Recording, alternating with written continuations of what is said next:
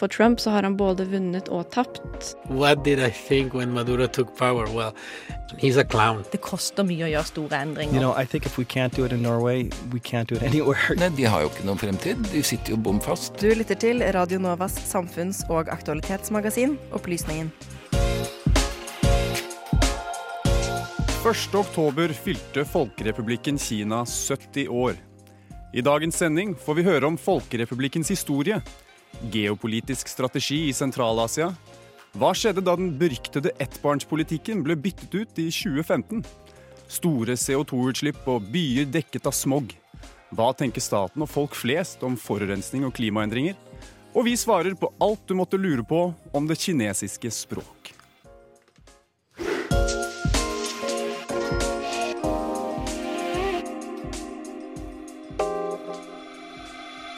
God dag og god fredag. Du lytter til Opplysningen hos Radio Nova. Og dagens sending er en Kina-spesial. Mitt navn er Magnus Bjerke, og med meg i studio har jeg Sebastian. Hei, hei. Sebastian, har du eh, fulgt med på dekningen av eh, Kina sitt 70-årsjubileum? Jeg har jo ikke fulgt med, men jeg har iallfall lest meg opp i etterkant. Og jeg har sett noen fine bilder av eh, masse våpen og masse missiler og slikt. Ja, og det er jo kanskje akkurat det som har dekket det vestlige medie, mediebildet. har vært mm. disse store militærparadene. Eksempel eh, NRK sin overskrift sa Folkerepubli Folkerepublikken Kina feirer 70 år med militærparade. Og snakker om at de viser fram sine mest moderne militære utrustninger. Bl.a. verdens mest langtrekkede atomraketter og sine supersoniske overvåkningsdroner. Og eh, vi ser lignende dekning hos eh, BBC, som snakker om militærparader og om at det fortsatt er mye demonstrasjoner i Hongkong. Og forresten, hvis dere har lyst til å lære mer om Hongkong, så har vi en podkast eh, som snakker om det, som kom ut for noen uker siden. Men det er veldig, veldig forskjellig hvis man drar på kinesisk media. Minibloggplattformen eh, Weibo, så er det veldig, veldig positive meldinger. Det er kanskje ikke så rart. Det er litt sånn 17. mai-stemning. Jeg vet ikke om du henger mye på kinesisk internett, eh, Sebastian? Nei, der er jeg ikke helt eh, med, men eh, informer meg gjerne. Ja, men En nettside man kan følge med på, som er på engelsk, er Global Times. som ligger under China Daily. Og der har de første overskriftene jeg ser nå, hvis jeg går på nettsida, er Grand celebration shows peaceful intent, unity of Chinese society. China's military strength guarantees world peace and stability. Så det er tydelig at det er litt forskjellig eh, fokus. Mm, veldig interessant vinkling. Ja, ikke sant? For de snakker om mye samme ting, men det er ikke den liksom eh, skumletonen som Mm. vi ser på det i Vesten. Veldig forskjellig. Og det er eh, på China Daily, hovedavisen, så har de en, en tidslinje som snakker om veldig mange positive ting som har skjedd i de 70 årene som Folkerepublikken har holdt på. Blant annet første femårsplanen og veldig mange andre ting som har skjedd. Men de nevner ikke noen av de mer liksom, negative tingene, som det store spranget eller kulturelle revolusjon. Um, og det er en veldig stor del av Kinas historie. Og det forrige århundret, som de kaller ydmykelsens århundre. Og det er det viktig å lære mer om, og da passer det veldig fint at eh, Sebastian, du og Sander har laget et innslag om Kinas historie. Ja, vi lagde et lite innslag, og det er litt sånn Kinas historie for dummies av dummies, på en måte. Um, så vi tar for oss ja, Mao-historien litt før, litt etter. Ja, så Da gleder vi oss. Kinas historie. Folkerepublikken Kina feiret på tirsdag sitt 70-årsjubileum, som markerte at det var 70 år siden den kommunistiske revolusjonen feide over Kina og opprettet en kommunistisk stat. I dag er landet Kina hjem til verdens største befolkning, verdens andre største økonomi og verdens tredje største militære. Staten som denne uka feiret 70 år, er en av stormaktene i verden i dag. Men hva har skjedd de siste 70 årene? Hva er historien til Folkerepublikken Kina? Det skal vi ta en liten titt på. Vi begynner historien vår i 1911. Frem til nå har Kina vært preget av store dynastier, som i over 2000 år har utgjort det kinesiske styresettet, men det skal det ikke gjøre noe særlig lenger. Nasjonalistiske bevegelser former og leder revolusjonen i 1911, som fører til avtroningen av keiseren og dannelsen av republikken Kina. Republikken ble ledet av det nasjonalistiske partiet Kuomintang, som baserte seg på tankene til en av partiets grunnleggere, Sun Yat-sen. I tiden etter dannelsen av republikken Kina begynner kommunistiske ideer å spre seg blant mange kinesere. Inspirert av den leninistiske bolsjevik-revolusjonen i Russland og grunnidealene til den tyske filosofen Karl Marx dannes KKP, Kinas kommunistiske parti, i 1921. Sun Yat-sen var villig til å samarbeide med kommunistene der de hadde innflytelse. Etter Sun Yat-sens død i 1925 økte spenningene mellom kommunistene og høyresiden. Disse klarte ikke å samarbeide om forsvaret av det kinesiske fastland mot en japansk invasjon som startet allerede i 1932 med okkupasjonen av Manchura. Kommunistene ønsket en felles front mot Japan i 1935. Nasjonalistene ønsket ikke å samarbeide. Kina ble så okkupert av Japan fram til den andre verdenskrigs slutt i 1945. Da krigen ender, er spenningene mellom kommunistene og nasjonalistene like prevalente. Amerikanerne, skrekkslagne av muligheten for ytterligere kommunistisk kontroll og dermed økt sovjetisk innflytelse, sender general George Marshall til Kina for å forhandle mellom de to partene. Økt spenning mellom Sovjet og USA i de kommende årene fører til at Marshalls oppgave videre kompliseres, og USAs president Harry S. Truman velger å kalle Marshall tilbake til USA, uten at han har lykkes i forhandlingene. Borgerkrigen i Kina er nå fullt i gang og resulterer i kommunistisk seier og nasjonalistisk bortvisning til øya Taiwan, hvor de fremdeles innehar makten. KKP etablerer Folkerepublikken Kina i 1949 under ledelse av partiformann Mao Zedong. Mao var i utgangspunktet marxist, men i motsetning til sovjetkommunismens fokus på arbeidere og arbeiderklassen, hadde maoismen fokus på bønder som kom av Kinas store bondebefolkning. I februar 1950 signerer Mao en forsvars- og allianseavtale med Sovjetunionen. Sovjetunionen bidrar også med økonomisk bistand for å forsikre seg at det kommunistiske grepet over landet holder stand. Folkerepublikken så også til Sovjetunionen for erfaringer omkring overgangen til en kommunistisk økonomi, samt industrialisering i bykjernene i en slik økonomi. Forholdet til Sovjetunionen ble dermed styrket, mens forholdet til Vesten stadig svekkes. Svekkes gjør også forholdet til Vesten når Folkerepublikken entrer Koreakrigen på nordkoreansk side. Den amerikanskledede FN-koalisjonen som støttet Sør-Korea, hadde nemlig trykt nordkoreanerne for langt tilbake mot Kinas grenser, noe kommunistpartiet var engstelig for ville lede til en offensiv mot Kina. Kineserne snek da 250 000 soldater over grensen og retalierte på vegne av Nord-Korea i oktober 1950. En massiv retrett av FN-troppene fulgte. Dette ble fulgt opp med 'Stå imot Amerika og hjelp Korea'-kampanjen, som resonnerte hos kineserne, som etter læren av Sun Yat-sen prinsipielt var antiimperialister og så på Amerika som den ypperste imperialist. Selv om én million kinesere døde i Koreakrigen, så kineserne på det som et stolt øyeblikk. I og med krigen endte med Nord- og Sør-Korea delt igjen ved den 38. parallell. Seieren fikk Vesten, og da spesielt USA, til å anerkjenne Kina som en makthaver i regionen. Dette var dermed et bevis på at Mao kunne mobilisere nasjonen. Resten av 50- og mesteparten av 60-tallet gikk med på å nasjonalisere økonomien og jordbruket og transisjonere inn i en fullkommen sosialistisk økonomi. Det store spranget, eller Det store spranget fremover, som det ble kalt, var en kinesisk femårsplan fremmet av Mao i 1958 med den intensjon om å gjøre Kina til en ledende økonomisk og militær makt på verdensbasis. I det inngikk det at Kinas arbeidende befolkning ble delt inn i folkekommuner som skulle ha felles administrasjon av sosiale og økonomiske aktiviteter. Mao satte hårete mål, og så bl.a. for seg at Kina skulle ha større tungindustri per innbygger enn Storbritannia innen 15 år. Dermed var det et krav om økt stålproduksjon. Løsningen var å påkreve at folkekommunene bedrev små lokale stålraffinerier og produserte stål på egen hånd. Stålproduksjonen økte, men stålet var lite brukbart i og med at det var laget av amatører under dårlige forhold. Viktigere del av det store spranget var jordbruksdelen. Mao hadde et stort ønske om å øke Kinas jordbruksproduksjon, samtidig som jordbruksarbeiderne ble dratt vekk fra jordbruket for å bedrive stålproduksjon. For få landbruksarbeidere førte bl.a. til at avling ikke ble innhøstet og dermed råtnet på åkeren. Ineffektive sovjetiske jordbruksmetoder ble bl.a. tatt i bruk, og landbruksjorda ble raskt utmattet. I tillegg løy kommunelederne om hvor store utbyttene deres var for å imponere regjeringen. Dette i kombinasjon med en rekke naturkatastrofer, slik som oversvømmelsen i Den gule elven, forårsaket vidspredt hungersnød i Kina, som konservativt drepte 14 millioner mennesker, og som på det meste rapporteres å ha forårsaket 48 millioner dødsfall. Neste i rekken av viktige hendelser i Maos Kina var kulturrevolusjonen på 60-tallet. Fra 1966 til 1967 bedrev Mao en kampanje for å holde gløden i den originale revolusjonen gående.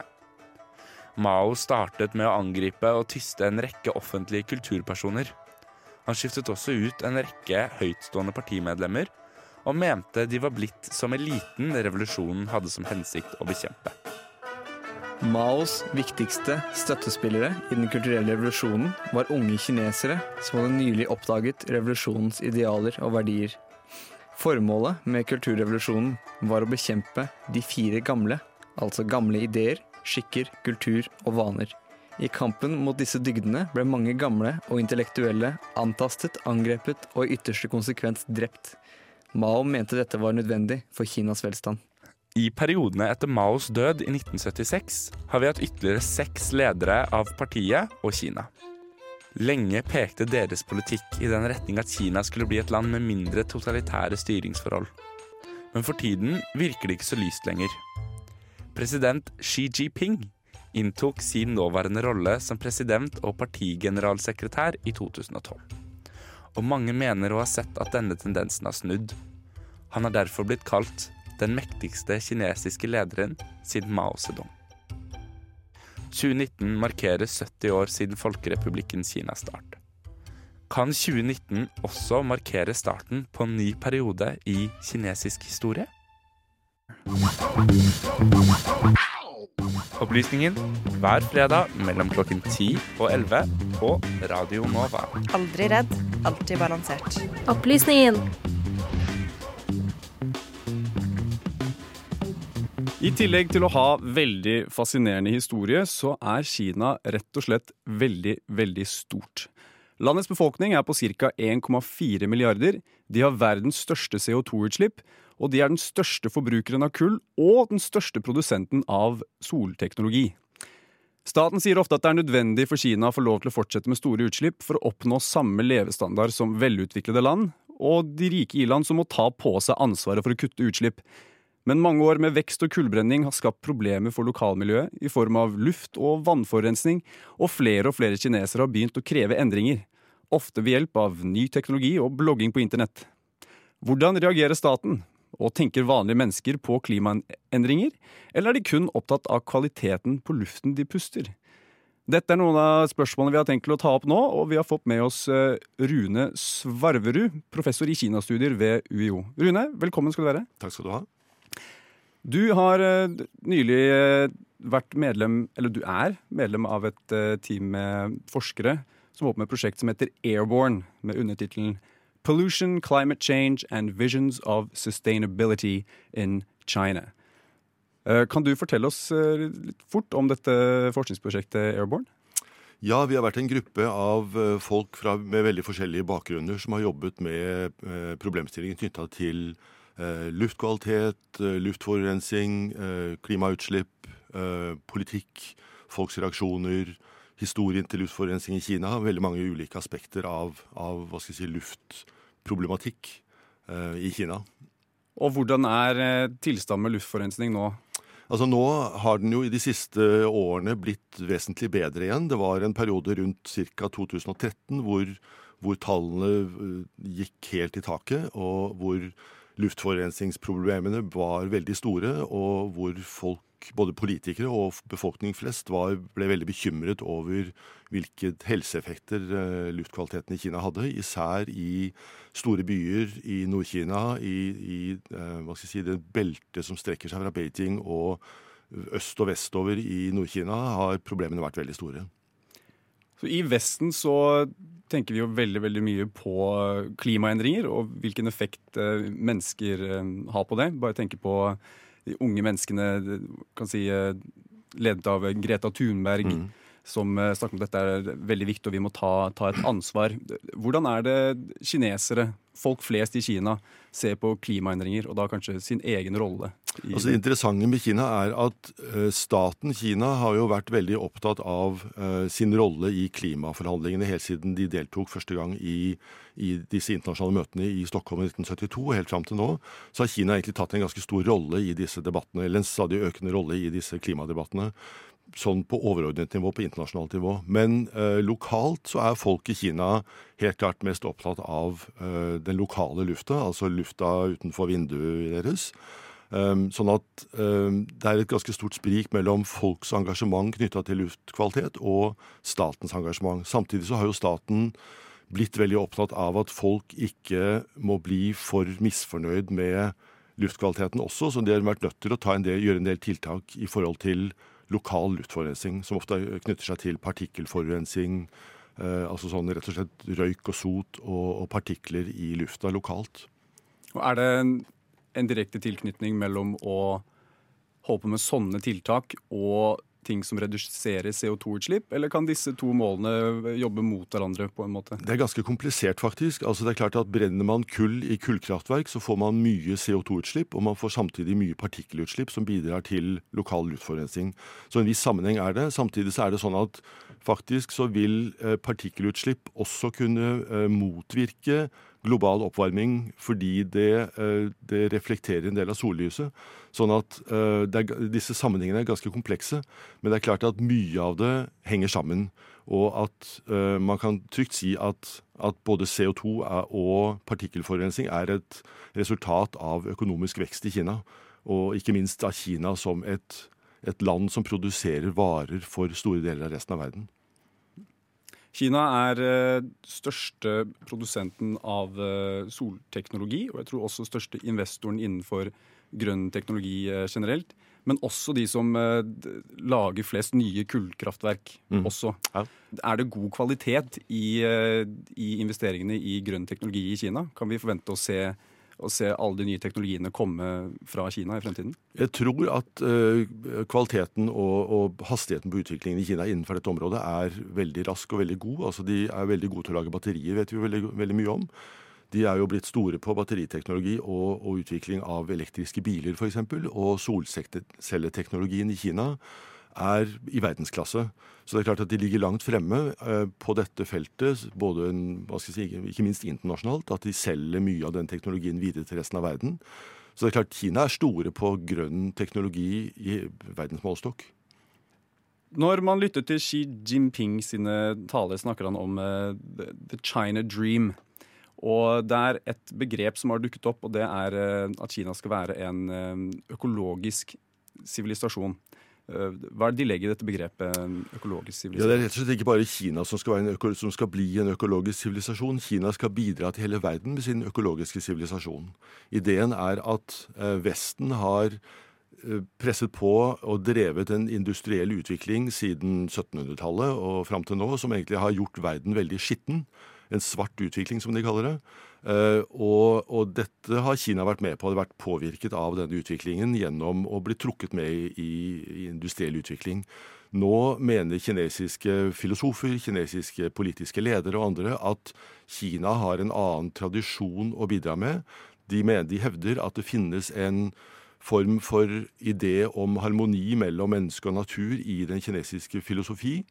Og denne tradisjonen skal Kina bygge videre på, og faktisk også bidra med, som, som grunnlag for en ny sivilisasjon for hele verden. Så det er ikke bare snakk om at Kina skal bli grønnere, men Kina skal bidra med, en, med grunnlaget for en ny grønn sivilisasjon som de skal bre ut til hele verden. Dette høres jo veldig fint ut, men er det, kan vi si at det får praktiske konsekvenser? Når vi også ser at de bygger rekordmange kullkraftverk og har jo en veldig stor befolkning som alle skal ut av fattigdom, er jo deres største mål. Ikke sant? Eh, så er det bare propagandasnakk, eller tror du faktisk at dette kan få noen praktiske konsekvenser? Så langt så minner det mest om propaganda. Det minner mest om en idé om at Kina skal innta en rettmessig plass i verden, og også på det på miljøfeltet mener de at de har en tradisjon og noe å komme med som skal bidra til hele verden. Hvis man ser på historie altså dette, Disse argumentene strekker seg helt tilbake til eh, tidlig kinesisk filosofi. Og, og, argumentene går altså på at denne, denne si, harmoniideen mellom menneske og natur har ligget der gjennom hele kinesisk tradisjon og historie noen tusen år tilbake i tid.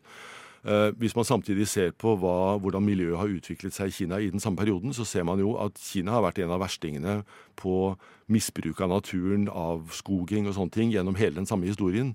Så hvis man skal se på sammenhengen mellom, mellom filosofi, historie her og, og realitetene, så er det lite som tyder på at denne, denne harmonien mellom menneske og natur egentlig har utspilt seg i realiteter i hele denne perioden. Så jeg tror nok at det er en ganske stor forskjell på hva skal jeg si, aktuell politikk her, på økonomi, utvikling og, ide, og disse realitetene, og denne ideen om at det finnes en grønn sivilisasjon uh, i kinesisk tradisjon som, som, så skal promoteres til hele verden. Jeg er ikke så sikker på at, dette, at det er noen realiteter i det. Det er mer en slags idé om at Kina skal innta en, en ikke bare en politisk og økonomisk, men også en slags sånn uh, historisk og sivilisatorisk plass i verden gjennom, gjennom denne ideen. Så det høres ut som at dette begrepet økologisk sivilisasjon kan passe inn i snakk om visjoner av bærekraft, som er i tittelen på Airborne-prosjektet. Er det, noen, er det noen andre sånne visjoner av bærekraft dere har kommet fram til i forskningen? Uh, ja, altså du kan si uh, Det er jo mye av den kinesiske politikken som dreier seg om å uh, utvikle grønn teknologi, som vi nettopp har vært inne på. Så det er klart at det ligger mye i, i Kinas politiske behandling av både, både, det som har med CO2-utslipp og det som har med utvikling av grønn teknologi å gjøre, som er visjoner for fremtiden. Men mye tyder på at kinesisk politikk, som mye av politikk i resten av verden, er veldig kortsiktig. Sånn at det er, det er nok ikke visjonene som, som er først og fremst drivende for den aktuelle politiske utviklingen. Tusen takk for at uh, du tok deg tid til å snakke med oss, Rune Sveivre. Bare hyggelig. As much as it's been 20 years since apartheid, like blacks have been freed, not much is, like, has changed. Så her er det jo helt klart at regjeringen ikke leverer faktisk på at Norge skal bli det beste landet i verden for skeive.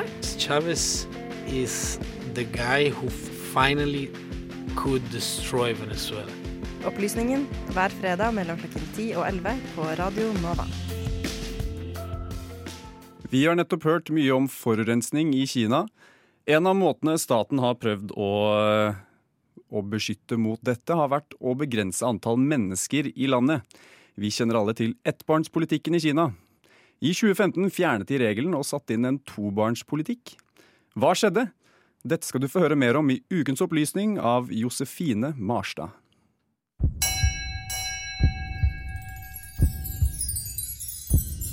Ukas opplysning. I 1979 innførte Kina ettbarnspolitikk for å bremse landets befolkningsvekst. Jordkloden overbefolkes, og Kina er verdens mest folkerike nasjon.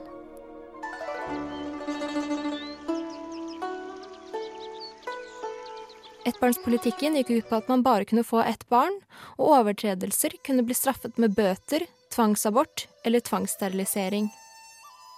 Men i Kina har det tradisjonelt vært ønskelig med sønner, så det ble ulovlig å sjekke kjønnet på barnet i magen. Men mange ble bestukket for informasjon, og de fleste offentlige abortene regnes for å være jenter.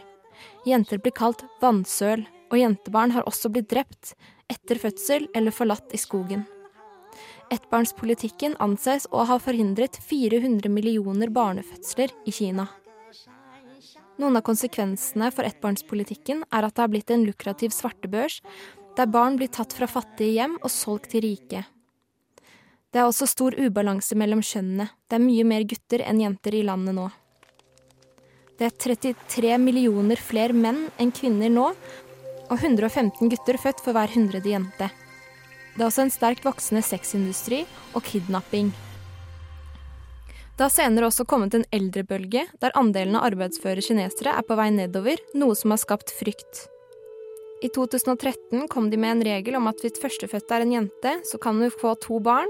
Eller hvis én forelder er et enebarn, kan du også få to barn.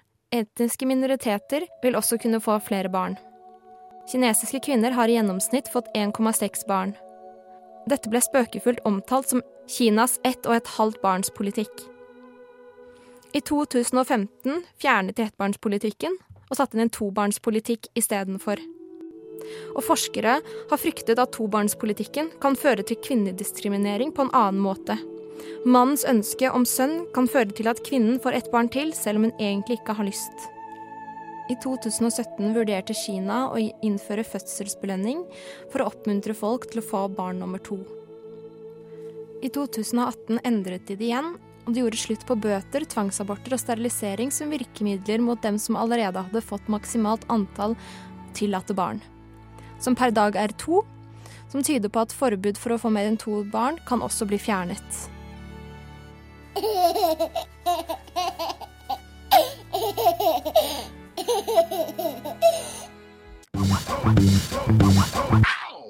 Opplysningen hver fredag mellom klokken 10 og 11 på Radio Nova. Aldri redd, alltid balansert. Opplysningen.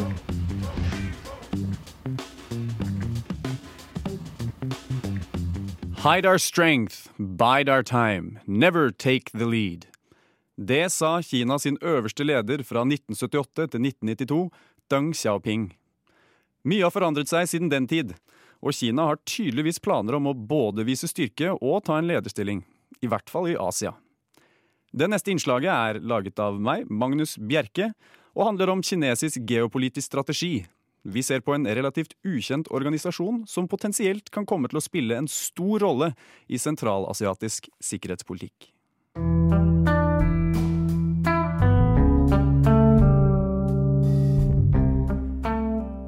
De siste årene er det sikkert mange som har hørt snakk om den nye Silkeveien fra Kina til Europa.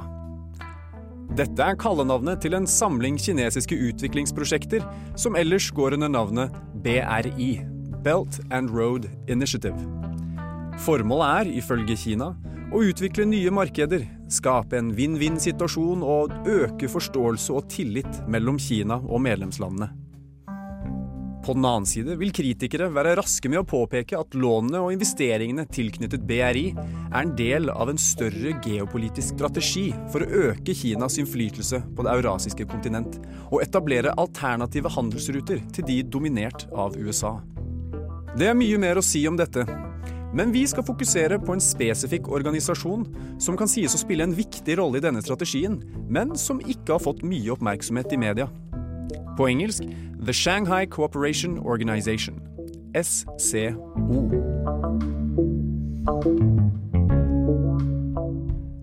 I 2001 gikk Kina, Russland, Usbekistan, Kyrgyzstan, Tadsjikistan og Kasakhstan sammen for å grunnlegge SCO. Og i 2017 ble India og Pakistan også medlemmer. Organisasjonen har offisielt lignende formål som BRI, men sier eksplisitt at de skal jobbe for å etablere en demokratisk, rettferdig og rasjonell ny internasjonal politisk og økonomisk orden. I praksis fungerer SCO som et sikkerhetssamarbeid for å bekjempe det den kinesiske regjeringen kaller de tre onder. Terrorisme, separatisme og religiøs ekstremisme. Få tør å hevde at å bekjempe terrorisme ikke er bra, men det har også blitt påpekt at samarbeidet også har bidratt til å skjule menneskerettighetsbrudd innenfor medlemslandenes egne grenser, og at det reelle målet til SCO er å utfordre Nato i Sentral-Asia. Dersom SCO faktisk skulle bli en rivaliserende militærallianse, er det definitivt grunn til bekymring. Kina, Russland, India og Pakistan er alle i topp ti på listen over verdens største stående militærstyrker. Dersom man inkluderer Iran, som for øyeblikket kun har observatørstatus, blir den sammenslåtte militærstyrken til SCO om lag 5,5 millioner soldater, ifølge worldatlas.com. Med unntak av Iran er alle disse landene i besittelse av atomvåpen. Til sammenligning er USAs militærstyrke i overkant av 1,3 millioner. Men i realiteten er det nok liten sjanse for at SCO kommer til å bli en Nato-rival i Østen. De ulike interessene til de store medlemslandene gjør det vanskelig for én enkelt part å dominere. Og både India og Kina har såpass store handelsinteresser i Vesten at de sannsynligvis vil være varsomme med å konfrontere Nato. Istedenfor vil vi nok se at SCO spiller en strategisk rolle sammen med Belt and Road-initiativet. Nemlig ved å promotere regional konnektivitet, handel og stabilitet. Om SIO sitt arbeid til slutt vil resultere i mindre krig og mer økonomisk vekst for alle parter, eller om det kun gir legitimitet til drakoniske tiltak mot potensielle separatister, slik som uigerfolket i Vest-Kina, det gjenstår å se. Uansett, med et mediebilde som domineres av handelskrig mellom USA og Kina, og snakk om en potensiell ny kald krig, kan det være lurt å holde et aldri så lite øye på den videre utviklingen til SCO. Du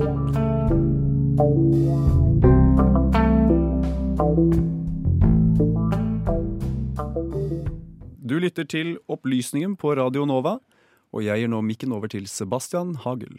Jo takk, Magnus. Det handler, eh, dette, skal nemlig, dette skal nemlig handle om det kinesiske språket. Det er nemlig sånn at over, godt over en milliard mennesker snakker kinesisk, og dermed eh, det offisielle språket i bl.a. Kina, Hongkong, Macau, Singapore og Taiwan. I tillegg er det over fem millioner kinesisktalende i både Indonesia, Thailand og Malaysia. Derfor har vi henta inn Halvor Eifring, professor i kinesisk fra UiO. Velkommen. Takk. Og det første jeg har lyst til å spørre deg om, er vi da som ikke har noe forkunnskap om kinesisk, hva er det vi burde vite før vi diskuterer kinesisk ytterligere? Så det, nei, det er i hvert fall det at når du sier at dette er det offisielle språket i Kina, Hongkong osv., så, videre, så snakker du i praksis om minst to forskjellige språk. Altså det vanlige standardspråket i Hongkong er kantonesisk, som er annerledes enn mandarin, eh, som er da standardspråket både i Kina og på Taiwan. Uh, og i Singapore, men der er det mange flere språk også. Sånn at, og de, er minst like forskjellige fra hverandre som norsk og tysk, sånn at uh, det er litt spesielt å skulle snakke om dette som ett språk, men uh, skriftlig sett så er det det. Skriver da med slike tegn? De skriver med tegn, og tegnene kan uttales på forskjellige måter, sånn at mm. du kan uttale dem på la oss si tysk eller norsk, mm. altså du kan uttale dem på mandarin eller på kantonesisk. Uh, og i praksis så skriver du noe som ligger tett innpå mandarin i måten du formulerer deg på, men det kan altså uttales på en helt annen måte, som om da en uh, tysker skulle uttale norsk på tysk.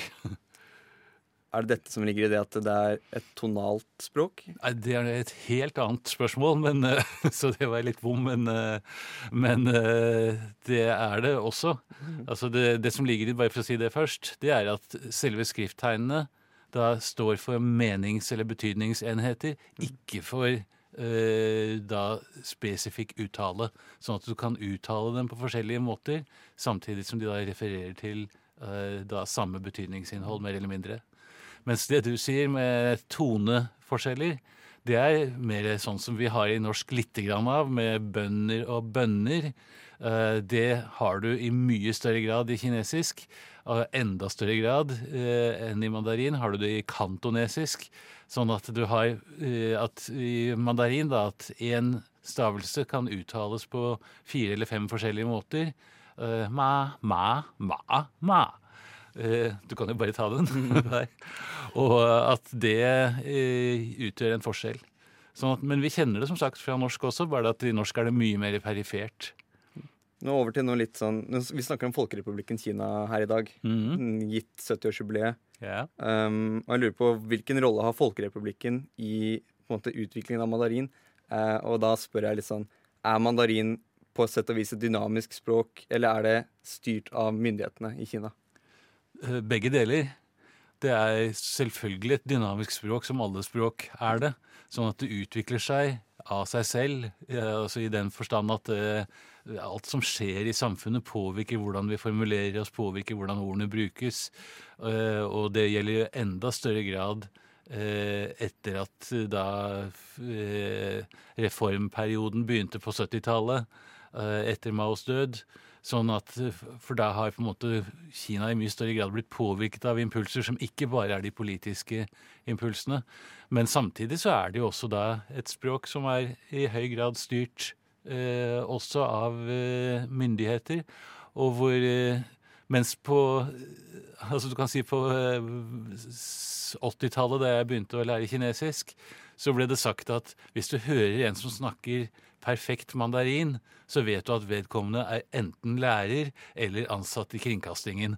Eh, mens nå er ikke det tilfellet. Nå er det veldig mange som er vokst opp med å lære perfekt mandarin i skolen. Enten de kommer fra et eh, område nær Beijing, eller de kommer fra et område som i utgangspunktet snakker et helt annet språk. Så eh, på en måte er det litt paradoksalt at mandarin, standard mandarin, er mer utbredt i dag når det er mindre politisk styrt, enn det var under den høypolitiske styringen på 50-, 60- og 70-tallet. Um, du nevnte noen impulser inn i det kinesiske språket. Kommer noen av disse fra utlandet? Har, ser vi f.eks. anglifisering av kinesisk, sånn som vi ser i norsk?